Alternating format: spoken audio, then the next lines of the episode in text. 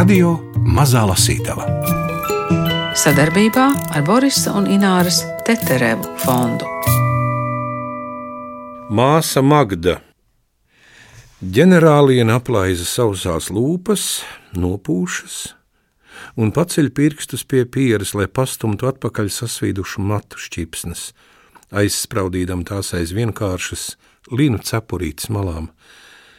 Tā tad Marta. Paceļu spalvu skātu, lai kundze saprotu, ka esmu gatava rakstīt. Tā mēģina izkļūt no neveiklā stāvokļa, izlikdamās, ka saprotu, par ko ir runa. Kundzei senu senām, tas tāds interesants vārds ir, jā. Jā, senu senām. Kundzei senu senām vairs nav nedz vecāko brāļu, nedz māsas Margaretes, kura īsi pirms kara aizprecējās uz bumburu mūžu pie cēsim, kur nomira no mēra. To kundze pati stāstījusi.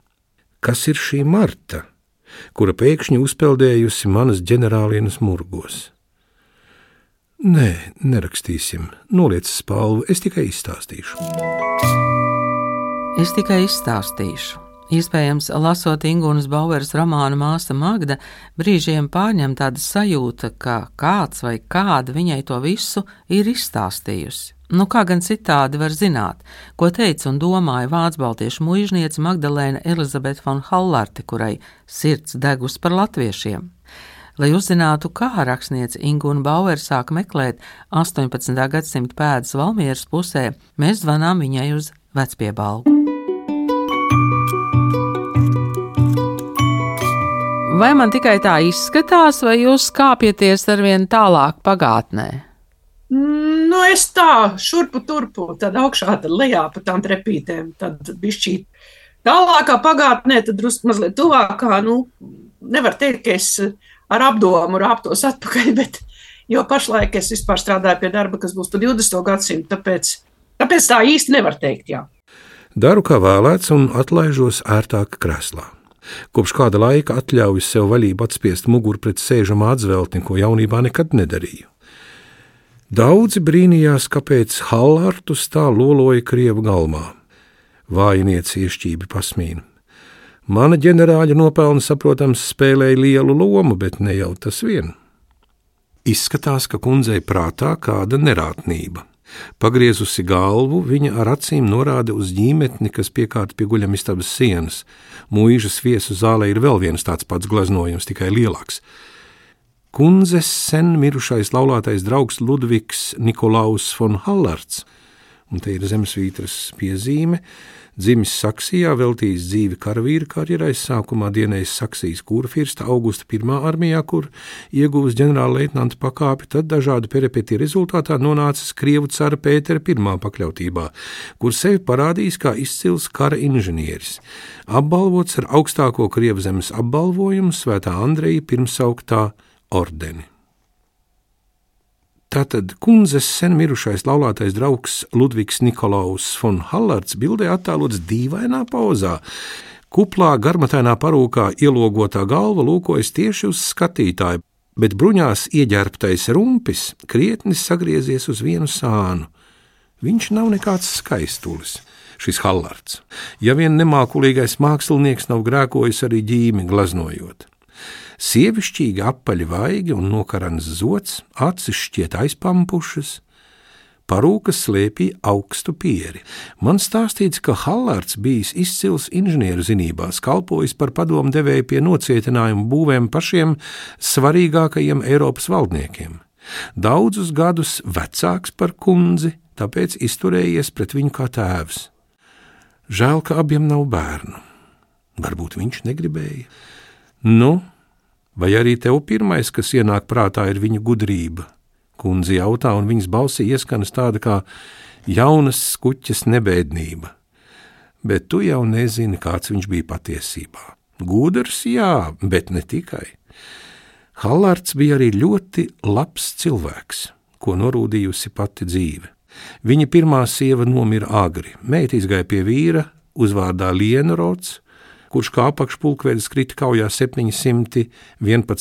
cīnīdamies plec pie pleca ar sievas tēvu, kuru toreiz ievainoja rokā. Tas bija šausmīgs pārgājiens, es visu zinu, jo sekoju vīram uz kauju laukiem. Bijām nesen salauzājušies. Nē, tā nebija mīlestība un pat ne pienākums. Bailes palikt vienai, lūk, kas mani dzina sekot Hallartam. Tā daudzas sievas darīja, un dažas veda līdzi arī bērnus.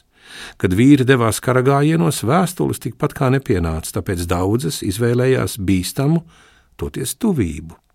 Kundze Man bail, ka viņa runā par daudz. Tik satraucošas atmiņas var viņai kaitēt. Bet mana ģenerāliene nav apklusināma. Hallārds izrādījās varonis, īsts varonis. Viņam no kā nebija bail. Nekas viņu neuztrauca, pat paša ievainojumi ne. Vīrišķīgs cilvēks. Mana cieņa un apbrīna pieauga. Vienīgi to trako dzeršanu Krievu armijā nācās grūti paciest kad vīns līst kā ūdens un pats Gosudaris, kā viņu godāja, spiež saviem oficieriem pietempties kā cūkām. Jebkurā citā armijā augstāko virsnieku žūpošana tiktu uzlūkota par kaunu, vienīgi Krievijā to uzskatīja par goda lietu. Visi nodzērās, un priekšnieki rādīja padotajiem piemēru. Man jābrīnās, ko viņi runā. Šodien mana ģenerāliene jūtas labāk nekā citās dienās. Vai tāpēc, ka atmiņās atgriezusies jaunībā? vai tomēr tas ir vājprāta sākums? Fragmentus no Ingūnas Baueras romāna Māsa Magda lasta Gundars Āboliņš, bet es domāju, kur gan jau esmu dzirdējusi Magdalēnas Elizabetes von Hallartas vārdu un atceros raidījumā grāmatai pa pēdām par henhūtisma sākumiem vidzemē un arī par Ernsta Glika bībeles tulkojumu. Droši vien arī šī sieviete būtu pelnījusi gan romānu, gan pētījumu, tāpat kā latviešu literatūras klasiķi. Bet pašlaik mums priekšā ir Ingūnas Bauers romāns Māsa Magda. Kā tad jūs eh, sākāt šo darbu par eh, Valmieras eh, pusi un 18. gadsimtu, kur tur tās pēdas vispār ir iespējams atrast? Iesākums visam ir tas, ka rakstot savus iepriekšējos romānus, vairākus, man nācās pies, sastapties ar šo faktu, ka nu, vidzemē šeit lielvidzemē darbojušies ir brāļa draugs sludinātāji, nu, iesaistot vietējos zemniekus un tā tālāk. Tas jau bija 19. gadsimta aprakstos. Es domāju, nu, es mēģināšu kaut kā no tā izvairīties, apiet to. Kaut, piemēram, arī, nu, kaut vai, piemēram, Matīs Kaudzīts tēvs ir bijis sacītāja tētiņš. Es domāju, kas tas tāds īsti un tā, nu, aptuveni ar laiku nojautu, bet centos tā pārāk neiedziļināties. Bet tad tomēr nebija iespējams, kā saka, vairs tādā garā turpināt, jo es rakstīju Dieva riekšavā, kas bija par Mārtu Sārumu, kurš nāca no kārtīgas hankūtiešu ģimenes, un man nācās vienkārši vairāk sākt interesēties, saprast, mm, no kurienes nāk šī kustība. O, no Valmiermužas, kādā sakarā, kas un kā. O, Valmiermužas ģenerāliene Magdalēna Elizabete von Hallarte. Un tad atskan zvans man telefonā, Zvanā brāļa draugu mācītājs Gunārs Ceipe. Es domāju, tā. Es esmu savā darbā, kādā iepriekšējā kaut kādu liktenīgu kļūdu kaut kur pieļāvis. Viņš man tūlīt, nu, kā saka, mazgās galvu par kādu nepareizību vai ko. Nē, viņš saka, ka organizējas brauciens uz Hernhūti, vai es nevēloties piedalīties. Nu, tas bija tāds mājiens no augšas, jā, es prot, biju uz mieru, tūdaļ iesaistījos, un mēs braucām. Un nonākot Hernhūtē, man tur no nu, kas ir tiešām tāda vieta, kas ir nu, iespaidīga, kaut ar mazu pilsētiņu, bet uh, apstaigājot, redzot grāfu Cincendorfu mūžu un tā, tas ļoti iespaidīgi bija. Un brāļu draudzes sapulču, jeb konferenču zālē no sienas raugās portreti, uh, kuros ir būtiskākie viņu cilvēki, nu, ja tā varētu izteikties, attēloti, oriģinālie portreti. Un, un viens no tiem ir šis, ko mēs arī redzam uz grāmatas vāka, Magdalēna Elizabete von Hallarte no Lielvidzemes. Oho! Tad es, kā saka, pieķērošai domai, es zinu pārāk maz, ja jau es zinu ļoti maz, tad droši vien arī ļoti daudz mani līdzcilvēki zina ļoti maz. Es domāju, jāatrod, jāsameklē, jāuzzina, jāapstāsta arī citiem. Nu, apmēram tāds. Tas īsais stāsta variants.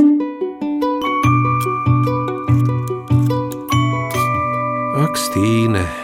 Tu taču arī kādreiz biji tik jauna, kad likās visa dzīve vēl priekšā, un tajā itin nekas slikts nevar atgadīties, vai ne? Kundze iesaucas un pastiepa roku, lai saņemtu manējo. Viņas plauksta ir silta, un sausa. Pamāju ar galvu, apliecinot piekrišanu, bet pašai sūrums kaklā. Mani jaunības gadi. Es taču biju apaļa bāreni, kas palikusi cietas pamātes ziņā. Vectēvs labs, bet vājš cilvēks, neprata pastāvēt uz savu, un ļaunums un izlaidība mūsu mājā ņēma virsroku pār dievbijīgo dzīvošanu. Tikai daudziem gadiem aiztekot, mīļais pestītājs apžēlojās par mani nabaga grēcinieci un uzņēma savā mierinošajā klēpī. Nē, nē, man negribas to visu atcerēties ne par ko, bet kundze smaida, un arī mana sirds iesilst. Dod Dievs viņai pēc iespējas ilgāk sajusties laimīgai šai bēdu ielā. Paklausies par mācītāju gliku. Neko neraksti, jo varbūt es putrošu dienas un mēnešus galvu nav gluži skaidra un atmiņa arī pieklibo. Tikai paklausies par Martu. Jau tagad par viņu melšu visādas blēņas un paredzu, ka arī uz priekšu būs vēl trakāk. Kad cilvēks aizgājis, viņš vairs nevar sevi pasargāt no gvelžām. Man vēl ir atmiņas, bet arī tās drīz aizies kapā. Paklausies, Stīne, un paturi manu Martu vislabākajā piemiņā.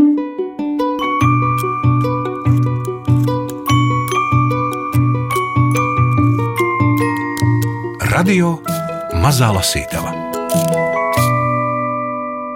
Vācu baltiešu muizniece, ko viņa labu ir izdarījusi latviešiem, arī droši vien tādā īsā pārstāstā. Godīgi sakot, ar tiem īsiem pārstāstiem ir grūti, jo jo tie ir nu, referātu temati, varētu teikt. Un, Kaut vai lai stāstītu par pietismu, par uh, henhūtismu, nu, tur ir ļoti daudz kā. Un, un Magdalēna Elizabete von Hallarte ir dzimusi Beļaviete.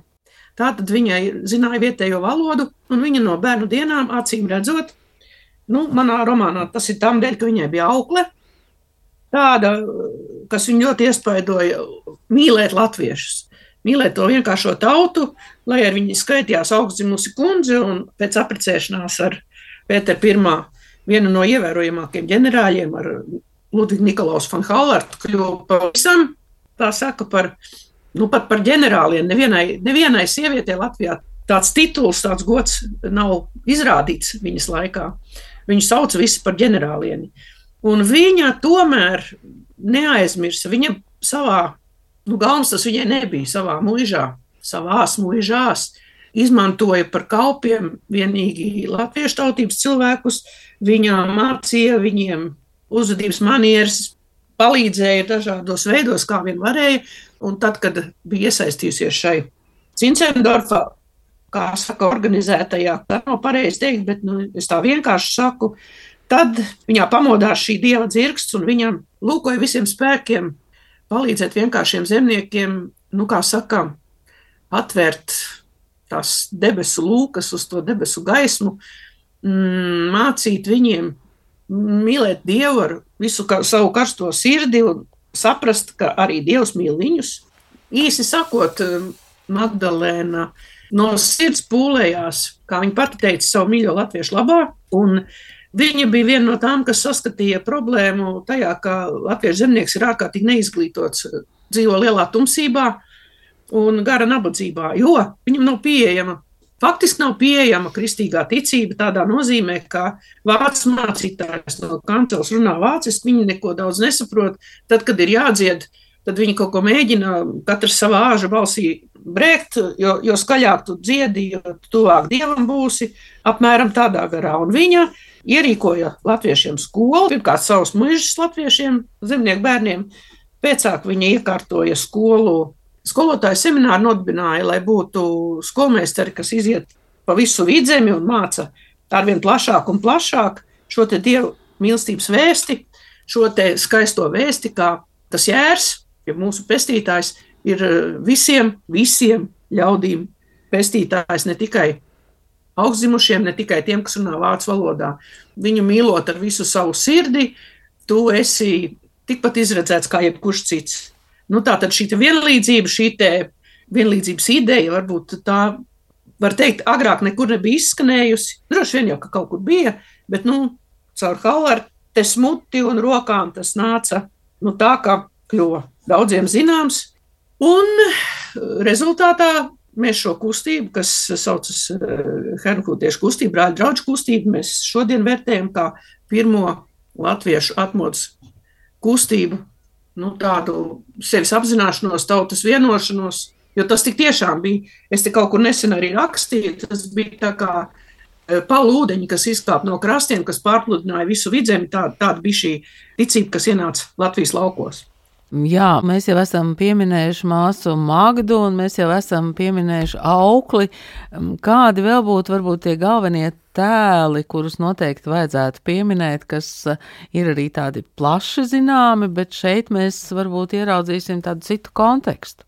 Man bija rakstot datorā failiņš mapīte, un tajā bija vismaz 25 tādi, tādas personības, par kurām bija jāuzzina viss, no, no cik vien iespējams daudz uzzināt, lai varētu salikt šos kontekstus kopā. Un, un tur ir eh, tādi vārdi, kā pirmkārt jau Baltazars von Kampenkauzens no Unguru mūžas, tad ir eh, mācītājs Neihauzens, kas bija Valmieras Sīmaņa draudzes mācītājs. Tur ir ļoti daudz viņu, un arī tie Magdalēnas, kā sacīt, garīgie eh, tēvi, profesors Franke no Halles, kas uh, Jēkabļa draudzes mācītājs, es aizmirsu tagad uz momentu viņa uzvārdu, kas bija, nu, vārdu sakot, viņas pirmais vīrs, um, Hans Lejons, tas pats Hallards, nu, Gliks. Tie, kas pirmie darbojās Jēra kalnā, visi vācu brāļi, Kristians Dāvids, Cincendorfs no Saksijas, kas vispār nodibināja šo kustību. Tur bija gan ko ņemties. Tur bija ļoti daudz ko, ko meklēt un ko nu, ņemties nebūtu pareizais vārds, bet nu, uh, iedziļināties, saprast un savilkt visu kopā. Jo Magda bija darbojusies gan šeit, Latvijā, gan arī kādu laiku dzīvoja Dresdenē, gan arī Herhūtē. Nu, vārdu sakot, ceļu bija daudz. Kā nu varēja, tā es viņus izgāju, bet eh, noteikti jau kā visu es neesmu uzrakstījusi, jo Nu, vēsturi vispār mēs visu nekad nevaram zināt. Būdams vien nieka 20 gadu vecs, Gliks ieradies pie Fišera kunga, vidzemes mācītāja virsuzrauga, uz atrādīšanos diezgan nekautrīgi paziņoja, saka, pirmais trūkums, ko viņš ar savām jaunajām, tomēr dieva godam kalpot gribošajām acīm šai zemē redzot, esot tas, ka latviešu baznīcai nav bībeles, un tādēļ dievkalpojumi šai valodā rādoties visai nožēlojamā stāvoklī. Nožēlojamā? Fišers drošības labad pārjautāja. Jā, tieši nožēlojamā, un tur nav ko slēpt, jo jautājumu norokot to nevar atrisināt, Gliks uzstāja. Drosmes tam puišlim netrūka. Ieskrēja prātā izaicinošā svētra un glika amata priekšgājēja Daugaugrības Baltās baznīcas mācītāja Betulīna bērēs, kurā jauneklis bez aplinkiem norādīja, ka nabaga nerru esot pazudinājusi un iegrūdusi ellē dzeršanas līga. Ko tādu pateikt bērēs, visiem dzirdot, skandāls uz līdzenas vietas, bet Gliks vēl sagriezies pret noliedzējiem, saka, par ko gan pārmetumu. Viņš tak teicis skaidru patiesību, vai tad Lutera mācītāja pirmais pienākums nesot taisnam un patiesam būt? Viņš nav vīrs, kas domās vienu, bet sacīs otru, vai baidīsies aiz prātīga aprēķina izpaust īstos uzskatus. Fišers sprieda ne bez patikas, taču tajā mirklī jutās maigi sakot pārsteigts un pats savilka pieru uz dusmošanos. Cik sen jūs pats pārvaldāt latviešu valodu jaunekli? Viņš pajautāja, lai pastieptu laiku, kurā izšķirsies, īgņoties vai tomēr priecāties, kā atradis tādu līdzgaitnieku. Starp citu, Fišers, tāpat kā jaunais Gliks, bija dzimis vācietis, kas vidzemē ieradies pāris gadu pirms viņa, tomēr joprojām mocījās ar nevācu mēlis locīšanu. Man valodas padodas viegli. Daudz grūtāk ir sagādāt malku bargajai vidzemes ziemai, Jauneklis pavilka augšup šauros plecus. Kad ienācu latviešos, manīju, ka mani apsmēja, jo gribēju uzreiz ar vietējiem viņu mēlē runāt. Tādā ar dusmām apņēmos un devu dievam stingru solījumu šo valodu pamatīgi izpētīt un apgūt, cik vien pilnīgi iespējams. Kaut gan iesākumā nemaz īsti nezināju, vai atradīšu tai kaut kur plašāku pielietojumu. Viņš atzinās. Un kur tādi gudrinieki rodas? Fišers klusībā brīnījās dzimis necilajā Vetinā, netālu no Halles, vietējā mācītāja ģimenē. Apmeklējis Altenburgas katoļu ģimnāziju, studējis Vitsenburgā un Leipzigā, Daudzi mācītāju dēli, ko līdzīgi bija iespējuši, bet šis puisietis pēkšņi pārceļas uz svešu zemi, iemācās tās valodu labāk nekā paši zemnieki prot, un atsaukdamies uz dieva aicinājumu, piesakās iztulkot Bībeli viņu lietošanai nevis no Lutera, bet gan no senebreju un sengrieķu pirmtekstiem. Tas kungs šo apņēmību svētīja, atsaucās Fišera sen paustajiem aicinājumiem pēc svēto rakstu nepieciešamības vietējā valodā, un labais Kārlis 11. atzina šo darbu par vajadzīgu un atvēlēja tam līdzekļus.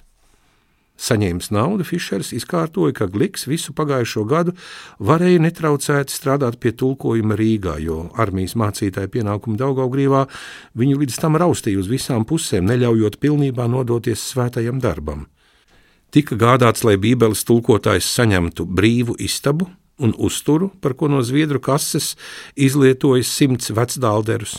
Neko lielu, jo superdente bija taupīgs un citām organizatoriskām lietām tā arī vajadzēja.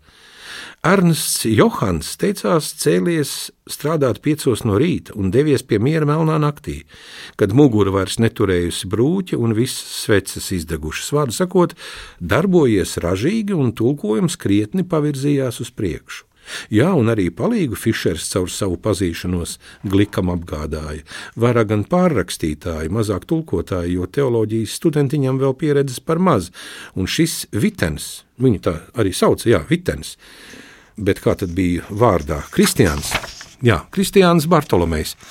Saņēma 60 vecdālderus gadā, un vai tas bija slikti maksāts?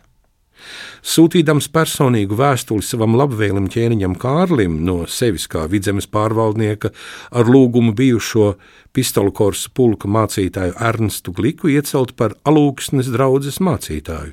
Superdente Fišers neskopojās ar jaunā drauga labo īpašību slavināšanu. Viņš esot priekšzīmīgs dieva kalps, godīgs un taisnprātīgs, dzīvojot kristīgu dzīvi un pēc kristīgas mācības, protot latviski un arī draudze viņu vēloties par ganu. Mēs, Zviedru zemju karalis Kārlis un citi, ar šo darām zināmu, ka, nu, kad līdz šinējais alūksnes mācītājs ir miris un ar to atbrīvojusies viņa vieta, mēs uzskatām par vajadzīgu tajā iecelt kādu citu dievbijīgu un taisnīgu vīru. Apsverot turienes ģenerāla superintendenta ieteikumus, savā žēlastībā esam minētajā draudzē iecēluši cienīgo un mācīto Ernstu Gliku pēc padevīgā priekšraksta, kā arī ņemot vērā viņa līdzšinējo dienestu pistolu korsa pulkā un krietno dzīves gājumu. Kāpēc viņu sauc par māsu Magdu? Nu, tas ir mans izgudrojums. Īstenībā pēc patiesības ņemot, eh, Halvārte nemaz neiesaistījās draudzē tā, lai viņi varētu saukt par māsu. Nu, brāļa draudzē tā bija, sajiešana namos, eh, atsevišķi sēdēja vīru brāļi un sievu māsas vai, vai jaunavas māsas. Visi sev sauca par brāļiem un māsām, ja, iekš Kristus. Tas tā vienkārši, lai būtu romānam skaists nosaukums, tad ir māsa Magda, jo patiesībā viņa bija māsa visiem šiem cilvēkiem. Kaut gan arī, nu, droši vien, ka tas ir um, drusku pārspīlēts. Kapa vieta mums nav zināma. Nē, nav zināma. Kaut kur turpat uh, pie Sīmaņa baznīcas Valmierā. Tur tika apglabāts viņas vīrs Nikolaus Hallards. Viņš bija par viņu 25 gadus vecāks. Un e, viņā, tad, kad e, Nikolaus nomira, tad viņam tika izveidota speciāla kapa vieta, kur ir zinām redzama, tur tika uzstādīts liepas, kuras gan tagad ir sen jau gājušas bojā, bet atkal valmierieši centušies stādīt pa jaunam. Bet e, pašas Magdas īstā kapa vieta, nu vismaz man nav zināma. Turpat kaut kur ir, bet kur, kas to vairs šodien pateiks?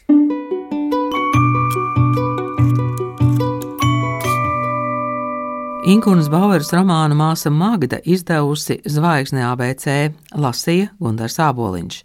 Un tiem, kuri mūs klausās internetā, vēl viens fragments no romāna. Šoreiz par Hallartu, kurš ieradās Rīgā 1710. gadā, kad Zviedriem nākas atkāpties un ienāk Krievi. Kad esi zaudējis, atkāpies ar godu. Taču Zviedri negribēja padoties. Pēc nelaimīgās Poltavas kaujas uz Rīgu pilsētas glābšanai tika sūtīts ģenerālis Stomfelds, kura rīcībā nodots 12,000 vīru liels kaujas spēks. Stomfelds darīja, ko varēja, bet tik īsā laikā nespēja apgādāt savu pulku ne ar pārtiku, nedz citām precēm. Baidoties par izdzīvošanu, Rīgā sabēga milzums priekšpilsētu un lauku iedzīvotāju, un visiem gribējās ēst. 1709. gada rudens pusē Krievu daļas izvietojās pie Jāņu vārtiem. Novembra 3. dienā Krievi ieņēma Kobronas kansti, bet pēc pāris nedēļām sāka Rīgas apšaudi. Runāja, ka pats cars Pēters lādējis un šāvis pirmās smagās ugunsbumbas un darījis to ar lielu deksmi, atriebjoties rīdziniekiem par neviesmīlīgo uzņemšanu pirms kādiem gadiem, ko paturējis ļaunā atmiņā. Decembrī citadelē uzsprāga pulvera noliktava un teju tūkstotis cilvēku dabūja galu. Hallards ieradās Rīgā 1710. gada pirmā mēneša beigās. Skats bija atbaidošs. Pilsētas iedzīvotāji palēnām mira badā. Rūdzu pūra cena no pusotra dāldera martā uzkāpa līdz četriem jūnijā. Aita no savulaik diviem dālderiem maksāja jau deviņus. Ielās slapstījās mēris, grābdams aiz rokas katru, kam tika klāt. Aplencējis piedās pilsētā, tostarp arī ģenerāļa Hallarta komandētās daļas. Zviedru garnizona kareivi tālodami pilsētas aizstāvjus knapi turējās, tomēr mēģināja izrādīt pretestību. No Polotskas ieradās viņa gaišība Kņas Menšikovs un atveda cara pavēli turpināt blokādi. Gadījies līdzās, Hallards pamanīja neslēptu naidu viņa sejā. Māja vidū arī pilsētas aplencēju rindās ieperinājās mēris, kas izplatījās šausmīgos apmēros un apkāva gandrīz desmit tūkstošus krievu. Cārs Pēters, kurš tobrīd jau vadīja Vīborgas aplankumu, likās satraukts, rakstīja depešas un izdeva pavēles. Viņa rokas puisis Menšikovs tikmēr ceļoja no Rīgas uz Pēterburgu un atpakaļ, un viņu nerāva neviens vels. Saņēmis rīkojumu pašam uzņemties aplankumu vadību, Menšikovs pavēlējis salikt Daugavas ūdeņos ķēžu šķēršļus, lai zviedru kuģi netiktu pilsētas tuvumā un Sarkandaugavā uzbūvēt mākslīgu pakalnu, kur izvietot papildu artilēriju. Aleksandra augstumi. Tā šo pakalnu nodēvēja pilsētnieki. Zviedru stāvoklis Rīgā pamazām kļuva bezcerīgs. Jūnijas sākumā padevās Rīgas priekšpilsētas. Sajutuši uzvaras garšu, krievi turpināja bombardēt uz vēla paraušanu, tika izšauts 8600 bumbu. Jūnija vidū Zviedrus aicināja padoties. Pirmais aicinājums tika noraidīts. Vasaras karstumā līķu smaka Rīgā kļuva neciešama, un dzīvi palikušie pilsētnieki lūdzās, lai varas vīri izbeidz viņu mokas. 29. jūnijā pilsēta kapitulēja. Abas puses nekavējoties nosūtīja viena otrai ķīlniekus un izstrādāja padošanās noteikumus. 2. jūlijā karavadonis Repins ienāca Rīgā ar 6000 vīru un ieņēma citadeli. 14. jūlijā svinīgi sagaidīts Rīgā ieradās pats ģenerālfeldmaršals Boris Šeremeķevs, Rūdīts Slepkava, lai saņemtu Rīgas namnieku un vidzemes mužnieku uzticības zvērstu. Sēdēšu tai krēslā viņš norīkoja. Kurā brīnījās padotie? Tajā, kas taisīts Zviedru ķeizaram, neveikšam un kas tagad pienākas man. Rīgas Pēterskolas skolmeistars Helms, viņa gaišības Boris Petrovičs Šeremeķeva ienākšana pilsētā aprakstīja savā dienas grāmatā. 14. jūlijā pulksten astoņos bruņinieki un namnieki zirgos dodas ārā pa Kārļa vārtiem, lai ievadītu pilsētā ģenerālfeldmaršalu Šeremeķevu. No kāda vārtiem līdz pilī visas ielas aizņem zaldāti, pulksten 11. gājiens ienāk pilsētā, pa priekšu jāja divi grenadieru virsnieki, kuru cepures ir puškotas ar rotām, tiem sako 38 grenadieri ar kailiem zobeniem rokās, un arī pie to cepurēm ir skaists bēmiešu akmens. Tad nāk 16 ievērojumu kungu kalpotāji zirgos, tad tiek vesti pie rokas 36 zirgi, kas apklāti ar rotātām sagām un kam mugurā segli ar sudraba kāpšļiem, tad četras tukšas karietes ar sešiem zirgiem, tad ģenerālis Hallards karietē ar sešiem zirgiem un divas karietes ar ievērojumiem kungiem un trīs tukšas karietes, katrā pa seši zirgi. Tad seko namnieki zirgos ar kailiem zobeniem rokās, aiz tiem bruņinieki arī ar kailiem zobeniem. Pēc tiem jāja barons Mengdens un aiz tā trīs ģenerāļi. Tad feldmaršala miesas sārda zeltainos tārpos, 72 vīru sastāvā, tad karieti ar ievērojamiem ierēģiem un pats Šeremeķevs zeltītā karietē ar sešiem brūni baltiem šeķiem priekšā. Viņam blakus sēž valsts padomnieks Lēvenvelde. Karietē pa priekšu jāja daži trompetnieki un divi bunzinieki ar zeltītas sudrabotām bungām un bagātīgi rotātu standartu. Karietē blakus iet lakejs turku tērpā, aiz karietes jāja dzeltenā apģērbā tērpušies muzikanti, kuru zirgiem ir dzeltenas segas. Gājienu noslēdz dažādi kalpotāji zirgos. Pie ieejas pilī šauja ar visiem pilsētas un citadeles lielgabaliem, Pilsētas baznīcā superintendents saka pateicības sprediķi, mūzikas pavadībā nodzied te dievumu laudāmus un izšauj otrais visus lielgabalus. Te mužnieki nodod uzticības zvērstu, tad Šeremeķevs dodas uz tirgus laukumu, kur uztaisīts paaugstinājums, pārklāts ar sarkanu audeklu. Uz paaugstinājumu atrodas krēsls, pārklāts ar sarkanu samtu un zelta ieloku pār krēslu sarkana samta baldahīns. Kad Šeremeķevs ar ģenerāļiem nostājas uz paaugstinājumu, tur uziet rāte un nodod uzticības zvērstu. Pēc tam uziet vecie un nozvēr, un tad uzticību zvēr visi namnieki uz tirgus laukumu. Tad Šeremeķevs dodas uz savu karieti un gājiens iepriekšējā kārtībā no pilsētas ārā uz Šeremeķeva galveno nometni Dreiliņos. Tā Krievija ienāca Rīgā un dabūja pilsētas atslēgas. Labprātīgi pasniegtas kopā ar uzticības zvērstiem. No tīra zelta izkaltas, kura katra trīs mārciņas smaga divos eksemplāros. Zviedru Rīga nu bija Krievu Rīga uz diviem gadsimtiem. Kāds brīnums, ja viņi turpmāk iztēlojas Rīgu un Latviju par visu mūžību kā savējo. Pilsēta brīvprātīgi padevās jaunajai varai, tāpēc saglabāja visas savas privilēģijas, ticības, valodas, vācu, tirdzniecības un tiesu sistēmas brīvības. Zviedrijas ģērboņi tika nomainīti pret Krievijas ģērboņiem, un dzīve turpinājās.